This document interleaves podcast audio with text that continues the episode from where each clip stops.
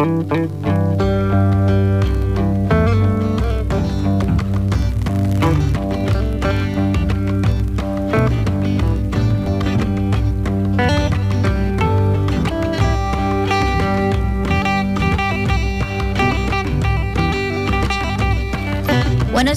Jeronimo Drol Sana Jogja. Assalamualaikum warahmatullahi wabarakatuh Kanca Muda Jogja. Selamat sore Apa kabar? Sehat nih Kanca Muda Jogja Mudah-mudahan sehat, bugar Bahagia apalagi gitu ya. Bahagia itu penting sekali. Terus Apalagi ya? E, Bersyukur. Nah Minggu lalu kayaknya kita ngomongin bersyukur deh. Tidak iri-irian gitu. Kita hari ini masih ngobrol lagi di sasi Soma sana sini soal agama nih Kaca Muda Jogja yang mau dengerin.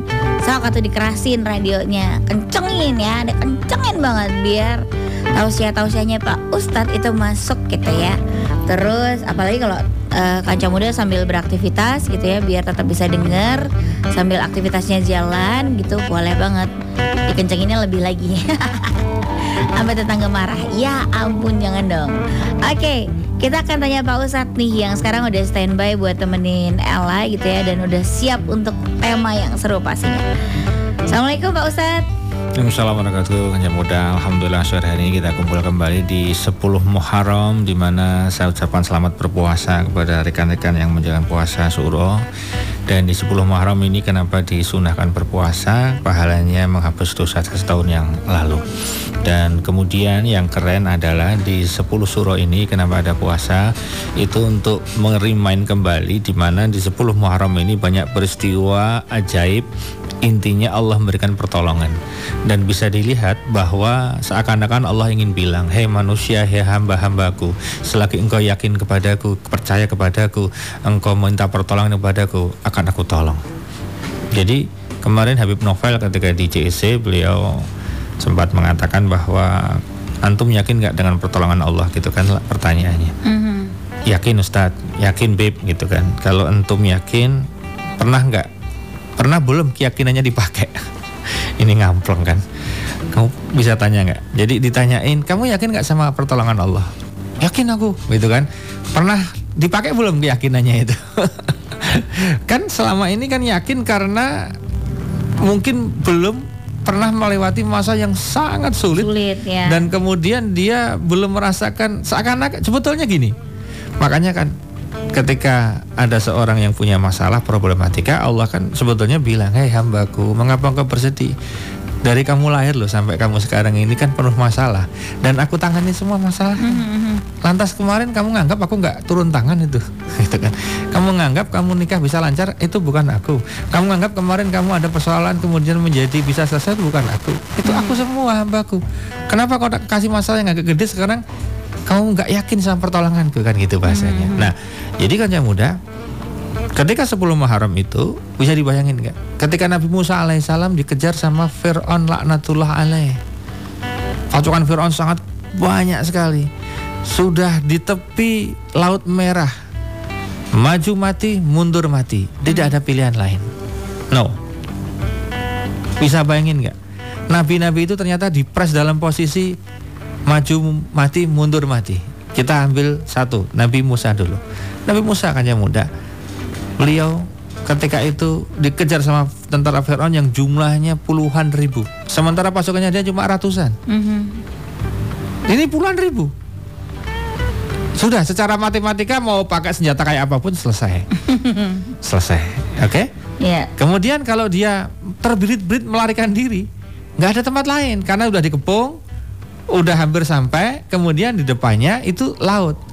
Jadi ke kanan nggak bisa karena sudah ke laut semua. Jadi intinya dia ke pojok di sebuah laut mati maju mati mundur mati. Mm-hmm. ke atas kan nggak mungkin nggak bisa terbang gitu kan. Mm-hmm. nggak ada pilihan lain. Ngerong ya nggak bisa karena bukan orang-orang itu kan. Terbayang nggak saat itu posisi hati hancurnya kayak apa? Terbayang nggak posisi pikiran hancurnya kayak apa? Udah semuanya. Itu sangat luar biasa kan?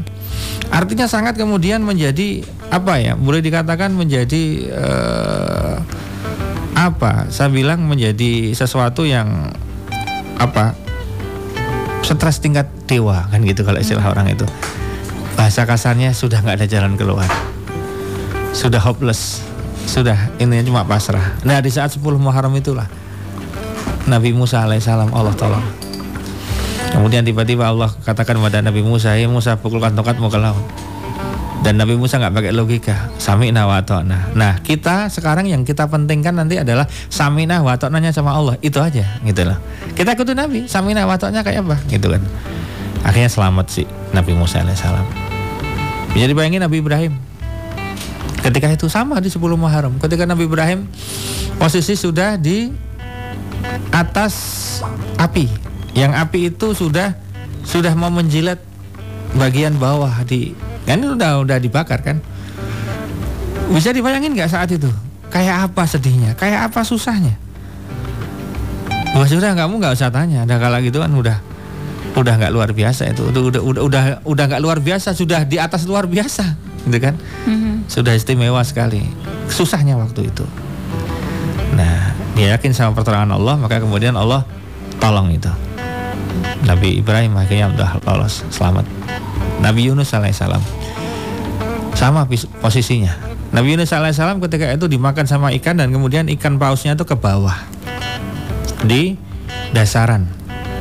Nah ketika itu bisa dibayangin di dalam perut ikan forever mati karena nggak ada suplai makanan dan minuman. Kalau memaksakan keluar posisi ikan masih di bawah dasar laut ya pasti mati karena nggak ada alat bantu apa namanya oksigen penyelaman dan misalnya bisa menyelam di saat posisi ikan pausnya di seperti itu itu alat selamnya juga bisa nggak berfungsi karena tekanan udara yang sangat luar biasa gitu loh. Nah maka oleh karena itu kalau dia dari sisi ini kaca muda posisinya adalah uh, apa ya Posisinya adalah dia bahwa posisinya tidak semua orang bisa sanggup mengatasi seperti itu kan. Makanya dipilih para nabi. Mm-hmm. Nah ketika itu kemudian beliau pasrah sama Allah, mengakui dosa-dosanya dan kemudian ikan ini kemudian ditaruh di atas. Di sama Allah diperintahkan ke atas untuk kemudian menepi dan kemudian mangap gitu kan dan kemudian dia keluar. Nah ada kalanya kaca muda, setiap kita akan kena masalah masing-masing yang itu kadang-kadang jalan keluarnya agak susah bahkan nggak kepikiran kalau jalan keluarnya kepikiran bukan masalah. Hanya nunggu waktu penyelesaian. Mm-hmm. ya kan? Tapi kalau sudah buntu. Buntu deadlock. tahu minta tolong sama siapa, siapa? gitu. Nah di saat itulah kemudian uh, apa namanya sebetulnya Allah kirimkan. Nah kita harus selalu positif thinking sama Allah. Kita selalu khusnudon sama Allah. Allah sedang ngirimin apa? Masalah yang menggelapkan dirimu kehidupanmu itu tidak lain tidak bukan adalah untuk apa? Untuk back to Allah mm-hmm. fafiru ilallah. Jadi bahasanya bahasanya itu adalah dalam Al-Quran itu kan fafiru ilallah. Segera kamu kalau engkau takut maka merapatlah sama Allah. Berlarilah menuju Allah. Dan Allah ditemui kapan saja di mana saja jam berapa saja bisa. Itulah. Kalau kamu ketemu temanmu yang ampuh, yang katanya sakti, temanmu yang katanya punya pengaruh, itu kan ditemui susah, ada ajudannya, pakai protokol, kadang-kadang nggak menemuin jamnya susah. Kalau Allah nggak, di mana pun kamu berada, ya, kapan pun, jam berapa aja, jam bisa. berapa aja, tinggal kamu bilang ya Rob, angkat tangannya, ya Rob. Maka kalimat ya Rob ini mujarab ya, ya Rob gitu kan. Jadi Allah kalau dipanggil itu, iya hambaku, aku Tuhanmu, engkau hambaku. Mm-hmm. Itu kan beberapa kata-kata di TikTok di list kan gitu. Ketika kita menganggap ya Rob gitu kan, wahai Tuhanku, iya aku Tuhanmu. Ada apa hambaku, gitu kan? Jadi jangan dikira orang yang tidak punya masalah itu berarti hidupnya diberkahi enggak enggak tentu hmm. aja gini loh ketika orang merasa landai-landai saja itu bisa jadi dia tidak dihitung jadi kan nggak dites makanya saya ngobrol kemarin ketika ulang tahun Jeronimo itu saya bilang bahwa akasiban nasu ayaturaku ayakulu wahum tanun Apakah kamu kalian mengira setelah mengucapkan iman bakal nggak kami uji? Enggak, pasti kami uji. Pasti. Ya, jadi akan diuji. Ya, maka di ujiannya itu ada berupa dengan kekurangan, ketakutan dan sebagainya. Ya itu ujian dalam kehidupan. Dan contoh yang paling sederhana begini. Ini gini nih, ini contohnya kalau ujian itu hadir, itu berarti kita butuh keajaiban sebagaimana 10 Muharram ini gitu loh maksud saya. Hmm. Nah, di segmen satu ini saya bicara betapa ada spesial puasa di 10 Muharram ini untuk ngingetin kita bahwa banyak nabi-nabi orang soleh-soleh itu ditolong sama Allah dengan keajaiban yang Allah punya, dengan kekuasaan Allah yang Allah punya dan hanya Allah yang punya. Ingat, yang hanya Allah yang Punya. punya. Jadi masya Allah luar biasa sekali kanjeng muda. Artinya apa? Kita apa namanya? Sering kali kan merasa kalau kita sombong, ciri orang sombong itu nggak pernah berdoa. Mhm. Makanya kita kan nggak pernah doa itu. Itu bisa kedua kemungkinan. Sama Allah akan diuji dengan sangat berat biar dia berdoa, atau sama sekali dia dicuekin sakarmu. Ya itu bahaya. Jadi jangan dikira ketika kita nggak pernah berdoa, nggak pernah wir, nggak pernah dikir kita lancar, jaya kehidupannya itu istidrat sebetulnya. Itu semacam kayak, aduh dicuekin paling nggak enak kan? Dibiarin gitu sama Dibiarin Allah, ya. gitu kan. Itu kan paling paling paling berbahaya. Jadi dia nggak dingin di- nggak dingin sama Allah. Jadi apa is- is- is- intinya gini di 10 Muharram ini kita diingetin sama Allah bahwa posisinya dalam kehidupan ini hanya Allah yang bisa bantu, hanya Allah yang bisa nolong. Perkara kemudian Allah nolongnya itu kemudian wasilahnya orang. Ada orang nolong kamu, ada orang bantu kamu, ada situasi yang membantu kamu. Itu Allah perintahin gitu loh, lah. Jadi jangan bilang langsung gini, wah makasih loh, lah. Kalau nggak kamu tolong aku jadi apa waktu itu? Itu dosa, syirik besar. Harusnya alhamdulillah ya Allah, alhamdulillah ya Allah. Kalau waktu itu kamu nggak ada gimana lah? Alhamdulillah ya Allah. Jadi alhamdulillah itu nggak berhenti berhenti dan bilang alhamdulillah ya Allah karena pertolonganmu itu elak mau nolong saya ya Allah. Nah, Alhamdulillah karena pertolonganmu itu ya Allah engkau gerakkan elak menolong aku ya Allah. Gitu lah. Itu itu harus ada. Jadi apa ya? Boleh dikatakan eh, boleh dikatakan gini eh, apa? Dalam situasi apa pun ini dalam situasi apa pun kita harus sadar bahwa tidak satu pun apa eh, bencana itu menimpa manusia itu kecuali bismillah kecuali dengan izin Allah itu. Nah jadi ketika itu dengan izin Allah Mhm. maka tidak akan menimpa orang ketika Allah nggak ngizinin. Kalau Allah sampai ngizinin, berarti Allah itu harus punya skenario. Itu aja. Misalnya tiba-tiba Ella ada problematika yang sangat bikin Ella itu Pusing. mungkin hanya pusing sakit hati tingkat dewa, Wah iya. kecewa tingkat istimewa. Wow. Oh, Nah, itu kalau sampai nimpa Ella serius ditimpa dan nangis Ella akhirnya berhari-hari dia nangis gitu ya Rob, ya Rob, ya Rob gitu nangisnya sampai terseduh-seduh gitu kan. Berarti Allah nyekenario biar Ella biar nangis. Biar nangisnya sama Allah. Biar hatinya itu lembut. Karena orang kalau punya masalah terus lembut hatinya. Hmm. Jadi ciri orang kalau punya masalah emosi itu masalah itu adalah azab. Itu adalah masalah itu adalah peringatan keras. Kalau punya masalah hatinya jadi lembut. Lembut itu karena kemudian dia nggak banyak bicara, dia banyak diam, dia banyak istighfar, dia sedikit-sedikit nangis, dia sedikit ingat dosa. Itu berarti masalah itu sedang nyuci dosanya. Tapi kalau punya masalah, oh, siapa berani sama gue? Ajar kalian semua. Wah, udah, udah, udah, ada lain itu. Itu udah lain ya. Nah jadi eh, apa ya? Boleh dikatakan di 10 Muharram ini banyak orang yang alhamdulillah sudah berpuasa ya kelihatan ada yang enggak juga. Nggak apa-apa karena ini juga sunnah. Tapi kalau puasa ya alhamdulillah. Itu seakan-akan Allah bilang kepada kita sebagai hamba-hambanya hei hamba-hambaku lihatlah para nabi-nabiku penuh dengan persoalan dalam kehidupannya. Ada yang so- semuanya sudah bahasa kan ketakutan terbesar manusia itu kan mati Mhm. ya mati nah Nanti gak bawa amal wah repot banget kan itu. takut sekali kan Iya, nah pasti. maka ketika orang itu dihadapkan pada kematian kan takutnya tingkat dewa Mhm. Nah, ketika itu ada pertolongan dari Allah sehingga dia selamat, nyawanya selamat, itu kan anugerah terindah yang sangat luar biasa. Nah, Allah seakan-akan ngasih pesan bahwa banyak-banyak persoalan ini kan Nabi Musa hampir mati waktu itu, Nabi Ibrahim hampir mati waktu itu, oke? Nabi Yunus hampir mati, oke?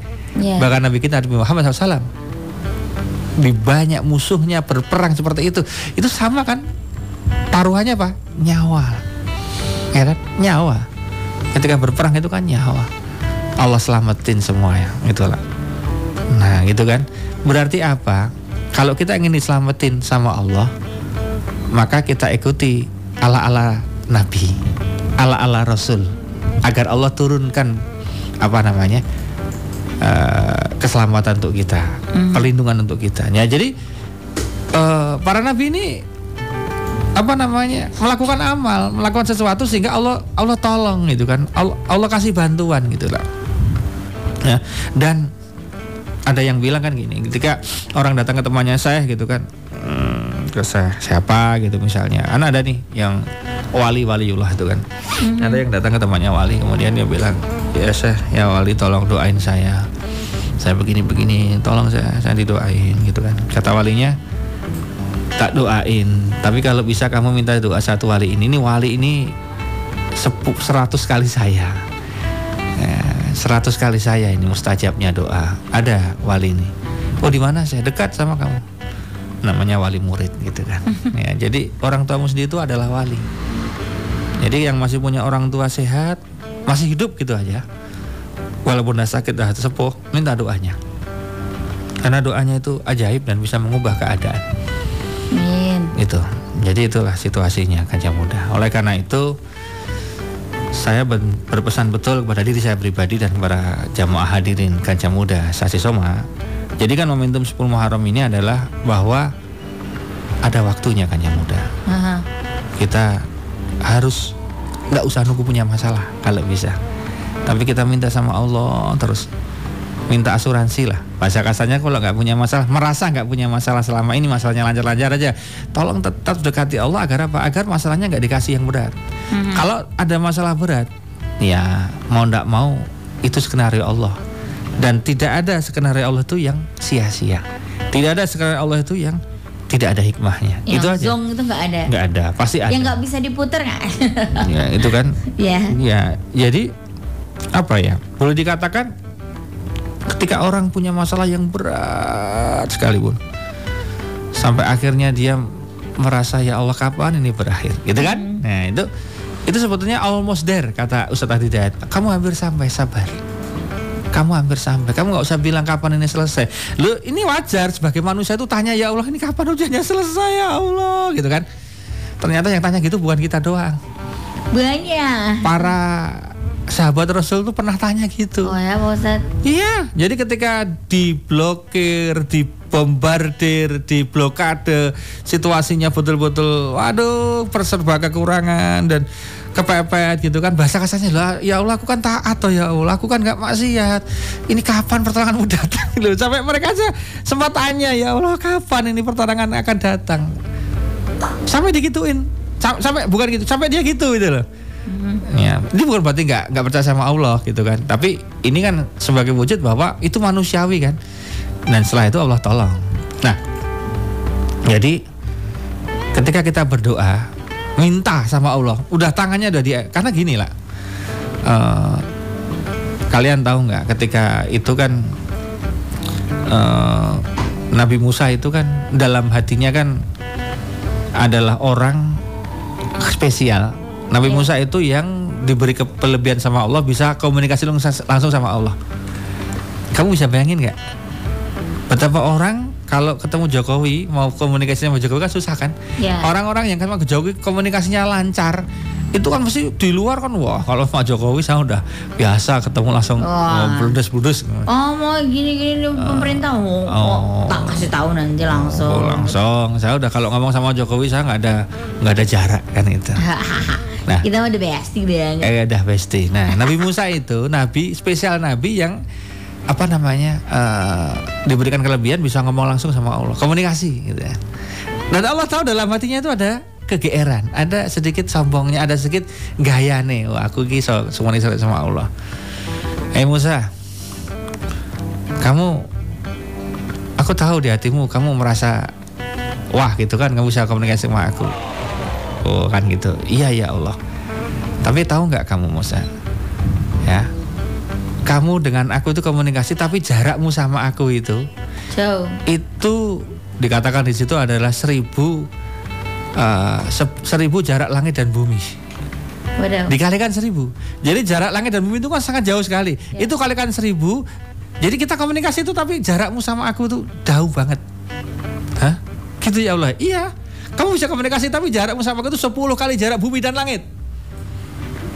Bang kamu sangat jauh sekali kan Itu 10, seribu kali seribu, seribu kali jarak itu Berarti kan jauh sekali Ya kenapa bisa begitu Pak Ustaz? Ya itu, itu i, karena dihijab Jadi kamu sama aku kata Allah bisa komunikasi Tapi kamu ada hijab Dan tiap hijab itu adalah Seribu hijab ada padamu dan diriku Dan setiap hijab itu panjangnya antara bumi dan langit Sangat jauh ya? hmm? Terus? Sangat jauh Nah kemudian Allah bilang kamu jangan GR dulu. Ada orang yang kalau dia ngomong sama aku jaraknya itu nggak ada hijab, bahkan lebih dekat dari urat nadinya mereka sendiri. Siapa mereka ya Allah? Ya kita itulah umat Nabi Muhammad nanti. Ketika dia berdoa, ya, ya berdoa maka aku akan kabulkan karena aku lebih dekat daripada urat nadi nadinya sendiri, urat lehernya sendiri. Itu ada di dalam Al-Qur'an itu. Jadi kita kata Allah di percakapan dengan Musa itu, mereka kalau doa angkat tangan, aku langsung betul-betul hadir gitu kan. Nah, jadi kan muda, kalau kita sudah doa sama Allah, jangan pernah tidak yakin doa itu nggak makbul. Doa itu pasti makbul kan muda, cuma hmm, nunggu waktu doang. Ya. ya. Jadi gini, kalau doa itu kamu anggap tidak makbul, berarti secara tauhid engkau menuduh Allah tidak mampu. Tidak mampu. Engkau menuduh Allah lupa. Engkau menuduh Allah apa namanya uh, tidak maha tahu. Jadi jangan nuduh Allah. Jadi antum nuduh Allah kalau bilang doanya nggak kabul gitu kan? Enggak. Doa itu pasti kabul. Udah yakin aja sama Allah. Perkara nanti Allah kabulkannya kapan? Perkara Allah nanti gantinya model apa? Perkara Allah nanti tunda atau ganti itu urusan Allah. Mm-hmm. Tapi Allah nggak mungkin ngecepain hambanya. Lo kita itu loh dalam kehidupan sering dipakai sama Allah itu biar kita doa kok. Kan orang kalau kepepet terus mojo, sering di masjid berdoa. Itu kan sebetulnya cara Allah untuk maksa orang berdoa Doa. gitu kan yang mudah. Nah, jadi di sebelum haram ini mari kita sama-sama introspeksi diri, mawas diri dan yakin bahwa Allah Subhanahu wa taala akan memberikan pertolongan. Amin.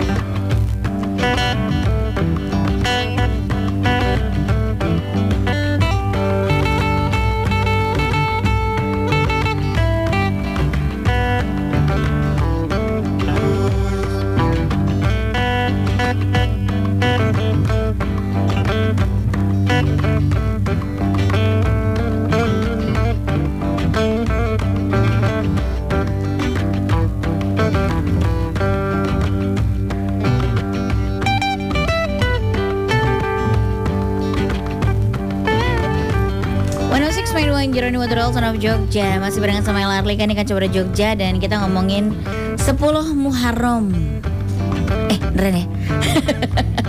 di mana? peristiwa di sini kalau di sini Pak Ustadz saya baca tuh ada 20 Ya. peristiwa. Boleh saya bacain nggak Pak? Yuk silahkan. Banyak yang tadi. Jadi yang pertama adalah diterimanya taubat Nabi Adam alaihissalam setelah diturunkan dari surga. Yuk. Diturunkan Nabi Muhammad alai eh Nabi Nuh alaihissalam dari kapal setelah banjir bandang. Hmm. Diselamatkan Nabi Ibrahim alaihissalam dari bakaran api Raja Namrud. Oke. Dikeluarkannya Nabi Yusuf alaihissalam dari penjara. Oke. Dikeluarkannya Nabi Yunus alaihissalam dari perut ikan nun. Oke. Tadi udah ya itu dibahas sembuhkan Nabi Ayub alaihissalam dari sakit kulit yang berkepanjangan. Hmm. Ini tadi belum ya Pak Ustadz? Yuk. Disibakkan itu kan pasti dia geli banget ya bertahun-tahun tidak bisa disembuhkan. Belum ada dokter canggih apalagi di saat itu dijauhi banyak orang baunya nggak enak. Waduh itu juga kondisi yang benar-benar ah wis embuh ya. Iya, iya. Pasti ya, Pak Ustadz, ya? usah ditanya kalau itu. Disibakkan eh, disibakkannya lautan bagi Bani Israel yang melarikan diri dari kejaran Raja Fir'aun Mesir yang kejam. Wah ini luar biasa juga. Kemudian eh, diciptakannya Nabi Adam alaihissalam di surga, diterimanya taubat Nabi Yunus alaihissalam, dilahirkannya Nabi Ibrahim alaihissalam. Oh ternyata lahirnya juga di tanggal ini ya. Dikeluarkannya Nabi Yusuf alaihissalam dari sumur setelah diceburkan saudara-saudaranya. Dipertemukan Nabi Yusuf alaihissalam dengan keluarganya kembali. Oh momentum sekali ya Pak Ustadz. Ya. Nabi Yusuf aja be- beberapa kali di tanggal yang di tanggal yang sama. Berarti tanggal yang sama ya? Ya. Atau bulan ya? Ya sama 10 Muharram kan Muharram kan bulan. Oke. Terus eh tenggelamnya Firaun di dasar Laut Merah saat mengejar Nabi Musa alaihissalam, diangkatnya Nabi Idris alaihissalam ke tempat yang tinggi, diturunkannya kitab Taurat pada Nabi Musa alaihissalam, disembuhkannya kebutaan Nabi Yakub alaihissalam dari wasilah pakaiannya Nabi Yusuf alaihissalam diampuninya Nabi Daud alaihissalam dari kesalahannya diberinya Nabi Sulaiman alaihissalam kekuasaan berupa kerajaan diangkatnya Nabi Isa alaihissalam ke langit setelah dikepung bangsa Romawi. Wow oke. In- diampuninya kesalahan ini peristiwa yang berbeda atau yang Sama. oh ya pasti itu. Ya kan bisa tahun kemarin, tahun ini gitu kan. Cara mikirnya gitu. oh itu pasti tanggal itu Iya, ulang tahunnya.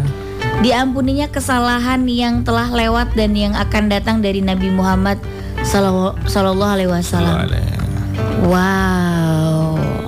Oke kan yang mudah. Jadi kalau kita lihat dari sisi apa sisi dari sisi cerita-cerita itu pertama agar mendapatkan keajaiban dari Allah kalau bahasa yang lebih halus agar ditolong sama Allah gitu kan? Agar diberikan perlindungan sama Allah pertolongan sama Allah maka si kita sebagai manusia itu pertama adalah mengakui semua dosa. Maka kita bikin rumus pertama tobat nasuha. Ya. jadi kita nggak usah nunggu sampai ada zina dulu baru penyesal dan tobat, Ya. tapi kita langsung saja. Kita biasain itu ketika kita pas eh, bisa apa namanya eh, mandi dengan mandi besar kita lalu ikuti dengan sholat tobat. Kita nawa itu kan mandi besarnya untuk sholat tobat. Misalnya sampai rumah tapi yang penting nggak habis subuh nggak habis asar yang habis subuh habis asar nggak ada sholatnya jadi kita misalnya sholatnya pakai air hangat atau pakai heater eh, mandinya habis maghrib misalnya atau pas maghrib adan mandi gitu kan habis adan mandi atau menjelang adan mandi nanti habis mandi besar itu sholat tobat dua rakaat kemudian baru sholat maghrib ya boleh boleh aja. Mhm. atau sholat maghrib dulu kemudian sholat sunnah. Habis maghrib kemudian sholat sunnah. Tobat itu nggak masalah. Jadi sholat tobat dulu kepada Allah.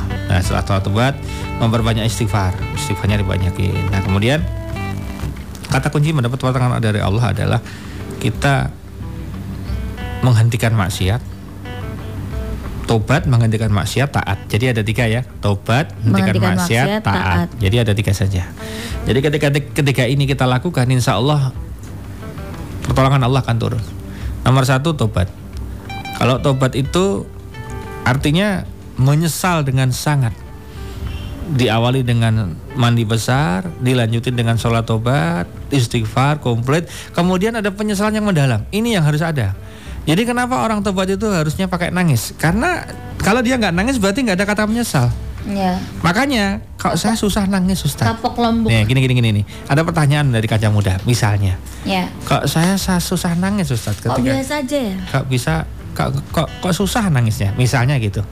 Nah, maka yang sangat bisa membantu kalau Anda susah nangis, maka cobalah ikut beberapa kegiatan mujahadah yang diadain berjamaah gitu kan. Majelis zikir, Mhm. majelis solawat.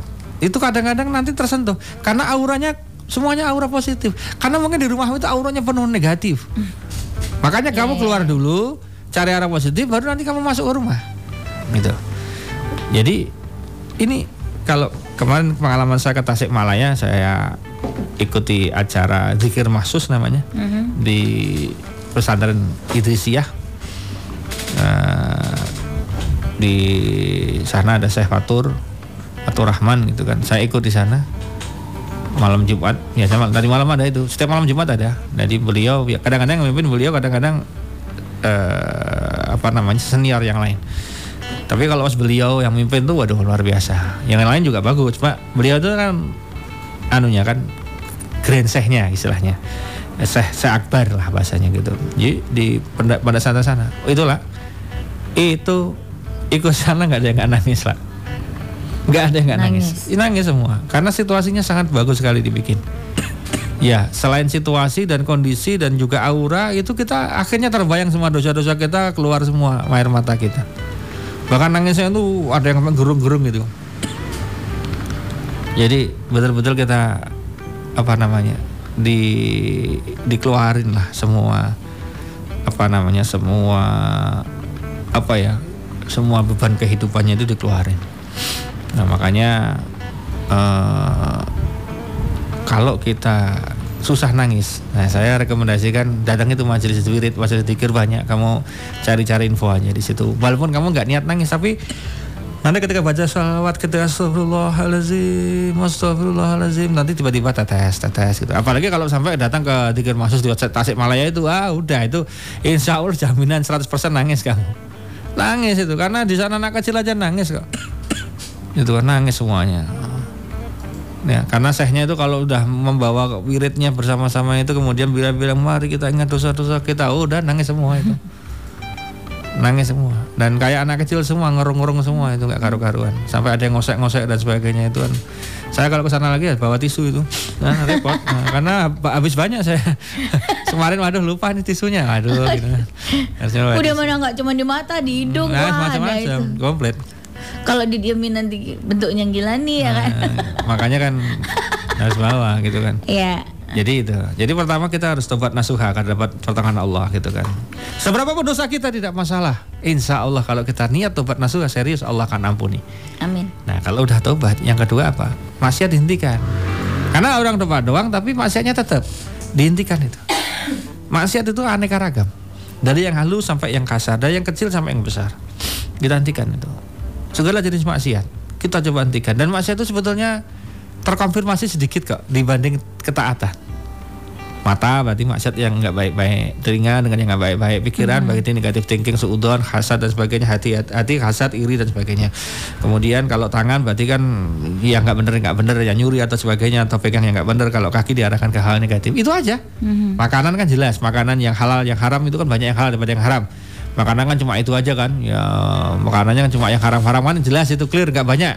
Yang halal masih banyak daripada yang haram. Minuman juga sama kan, minuman yang haram sama yang halal banyak yang halal, Halal. gitu kan selesai. Jadi kita harus hentikan semua, jangan ada yang masuk ke dalam diri kita yang haram dan tidak ada tindakan kita yang haram, sehingga kita hentikan maksiatnya. Jadi anda yang pemabuk kemudian berhenti mabuknya harus keras. Ada yang narkoba berhenti narkobanya, yang zina berhenti zinanya. Pokoknya semuanya dihentikan. Nah setelah dia berhenti taat, kemudian diganti dengan taat. Orang kalau udah gitu ininya taat. Taat itu apa? Indikasi taat pertama yang sangat sederhana adalah begitu azan dia sholat. Karena apa? Ibadah lain tuh nyusul lah. Ngaji itu nyusul. Wirid zikir nanti insya Allah akan dapat. Kalau sholat begitu azan langsung sholat. Karena apa? Meeting sama Allah yang clear jelas meeting sama Allah itu sholat. Yang lain iya tapi sholat ini betul-betul undangan resmi. Mhm. Undangan resmi. Kalau wirid zikir itu kan kita ngajuin proposal ketemu sama Allah. Ya, tapi kalau sholat ini yang undang Allah. Hayya ala sholat, ayo sholat gitu kan. Hayya ala falah gitu kan. Hayya, ayo, ayo, ayo, kemon, kemon. Jadi Allah yang undang.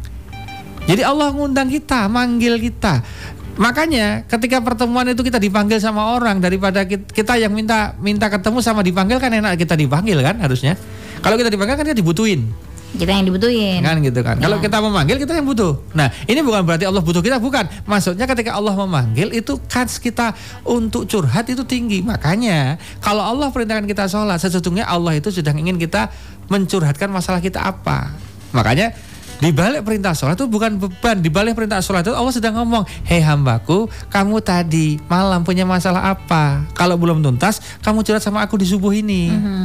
kamu ngomong pas sholat ini Begitu nanti sholat duhur eh, kamu tadi pagi ada masalah apa? Kalau belum beres, kamu ngomong sama aku kata Allah lewat sholat. Makanya ketika sholat Rasulullah sendiri mengatakan, maka bertasbihlah ketika kamu ruku dan berdoalah ketika kamu sujud. Jadi perintah doa waktu sujud itu ada dan Rasulullah sendiri yang memerintahkan. Berarti sholat itu dari dulu saat-saat yang ditunggu para sahabat karena ingin curhat waktu sholat. Mm -hmm. Karena sebaik-baik set, apa uh, sedekat-dekat posisi hamba dengan Tuhannya, dengan Allah itu ketika sujud. Makanya ketika sujud itu banyak yang dipanjangin. Itu bukan berarti bacanya diperlama misalnya subh nah kau oh enggak itu namanya slow motion iya betul jadi bukan gitu. Yang dimaksud ketika sujudnya lama itu bukan bacanya diperlama, tapi bacanya standar biasa, tetapi yang lama adalah permintaannya sama Allah. Hmm. Ya Allah. Ya Allah. Gitu kan. Nah, tapi nggak boleh diomongin, hanya dalam hati. Nanti ya. jadi tambahan ibadah ya. ya, ya. Jadi tidak ada boleh kalau ngomong, tapi dalam hati boleh. Jadi sebutkan ya. Makanya ada doa-doa yang direkomendasikan ketika di dalam sujud terakhir, tapi di luar bacaan resmi dalam hati, misalnya. Uh, Allah maghfirli zambi kullah Ya Allah ampunilah seluruh dosa Zikahu wajillah Yang kecil maupun yang besar Wa awalahu wa akhirah yang dulu maupun yang sekarang. Wala niatahu wasyirah baik yang aku sengaja maupun yang tidak Disengaja. aku sengaja. Itu dimintain, itu ada doanya dalam hadis dibaca ketika sujud terakhir tambahan tapi dalam hati. Nah, yang lain silakan ya hayu ya qayyum bi rahmatika astagis aslih lisani kullah wala nafsi tarfatain. Ya Allah yang maha berdiri, yang maha ya hayu yang maha hidup maha koyum maha berdiri. Uh, ya hayu matika dengan rahmatmu. Astagis aku mohon pertolongan. Ya gitu kan. Waslih nih gitu kan. Dan jangan biarkan aku mengurusi masalahku sendiri. Bahkan jangan sampai tinggalkan aku sekejap mata. Oh, kan udahnya keren. Terus jangan itu, biarkan aku mengurus masalahku sendiri. Iya. Karena sebenarnya masalah datang dari Allah yang saya ini harusnya Allah bahasanya bisa bahasanya Allah kan titip masalah ke kita. Kalau kita nyesain kita pasti nggak bisa ya Allah. Itu soalnya dari panjenengan yang punya bocorannya so, jawaban jangan kunci jawabannya jenengan. Saya nggak bisa. Jangan saya saya tolong jangan saya ya jenengan aja yang hmm. yang yang menyelesaikan. Kalau saya nggak ada kapasitas. Oh ya ya iya ya iya nggak ada kapasitas. Betul kapasitasnya ini sudah sudah di luar. Masalah rezeki itu jelas kapasitasmu ya Allah. Masalah apa pun itu kapasitas jadi jangan biarkan aku mengurusi urusanku sendiri. Karena aku nggak bisa. Tuh tuh kan gitu kan. Nah itu itu doa ada doa yang lain kira-kira Ustaz? Doanya aku nggak apal Indonesia dah saja. Pakai bahasa Jawa mawon boleh. Yang penting dalam hati ya Allah. Pakai bahasa apa aja Allah paham ya Gajah Muda. Ini saya tolong ya Allah ini saya tolong ya Allah gitu boleh tapi dalam hati di di, ya, di, ya. di apa namanya di, di diungkapin gitu ya. Nah, jadi gitu kan yang muda. Nah, ciri taat itu adalah dia segera ketika ada panggilan dari Allah Subhanahu wa taala. Jadi kajang muda semoga kita semua mendapat pertolongan dari Allah Subhanahu wa taala. Mari kita berdoa ketika sudah di asar penghujung asar waktu mustajab doa di hari Jumat penutup asar insya Allah mustajab kita doa kancang muda yang ada di mobil dan di mana saja. Alhamdulillah minasyaitonirrajim Bismillahirrahmanirrahim. Alhamdulillahirrahmanirrahim Asyhadu an la ilaha illallah wa syarikalah wa asyhadu anna rasulullah. Allahumma shalli ala sayyidina Muhammad wa Muhammad. La ilaha illallah azimul halim la ilaha illallah rabbul arsyil azim. La ilaha rabbus samawati wa rabbul ardi wa rabbul arsyil karim. Allahumma shalli wa sallim ala sayyidina Muhammadin qad qatilati atitni ya Rasulullah. Ya hayyu ya qayyum bi rahmatika astaghis aslih lisani kullah wa la taqilila nafsi tarfata ain. Allahumma ighfir li dhanbi kullah dika huwa jilah wa awal wa akhirah wa laniyati wa syirah rabbana dhalamna anfusana wa illam taghfir lana wa tarhamna lanakunanna minal khasirin. Rabbana la tuzigh qulubana ba'da idh hadaytana wa hab lana min ladunka innaka antal wahhab. Rabbana la tu'akhidna in nasina wa ta'na rabbana la tahmil alaina sulka ma hamaltahu ala ladzina min qablina. Rabbana la tuhammilna ma la bihi wa afu waghfir lana warhamna anta maulana fansurna al qawmil kafirin. Rabbana atina fid dunya hasanah wa fil akhirati hasanah wa qina adzabannar. Alhamdulillahi rabbil alamin. Buat teman-teman terima kasih. Insyaallah kita sambung di yang lain. Begitu kan yang muda. Ketemu lagi minggu depan. Assalamualaikum warahmatullahi wabarakatuh Kaca Muda.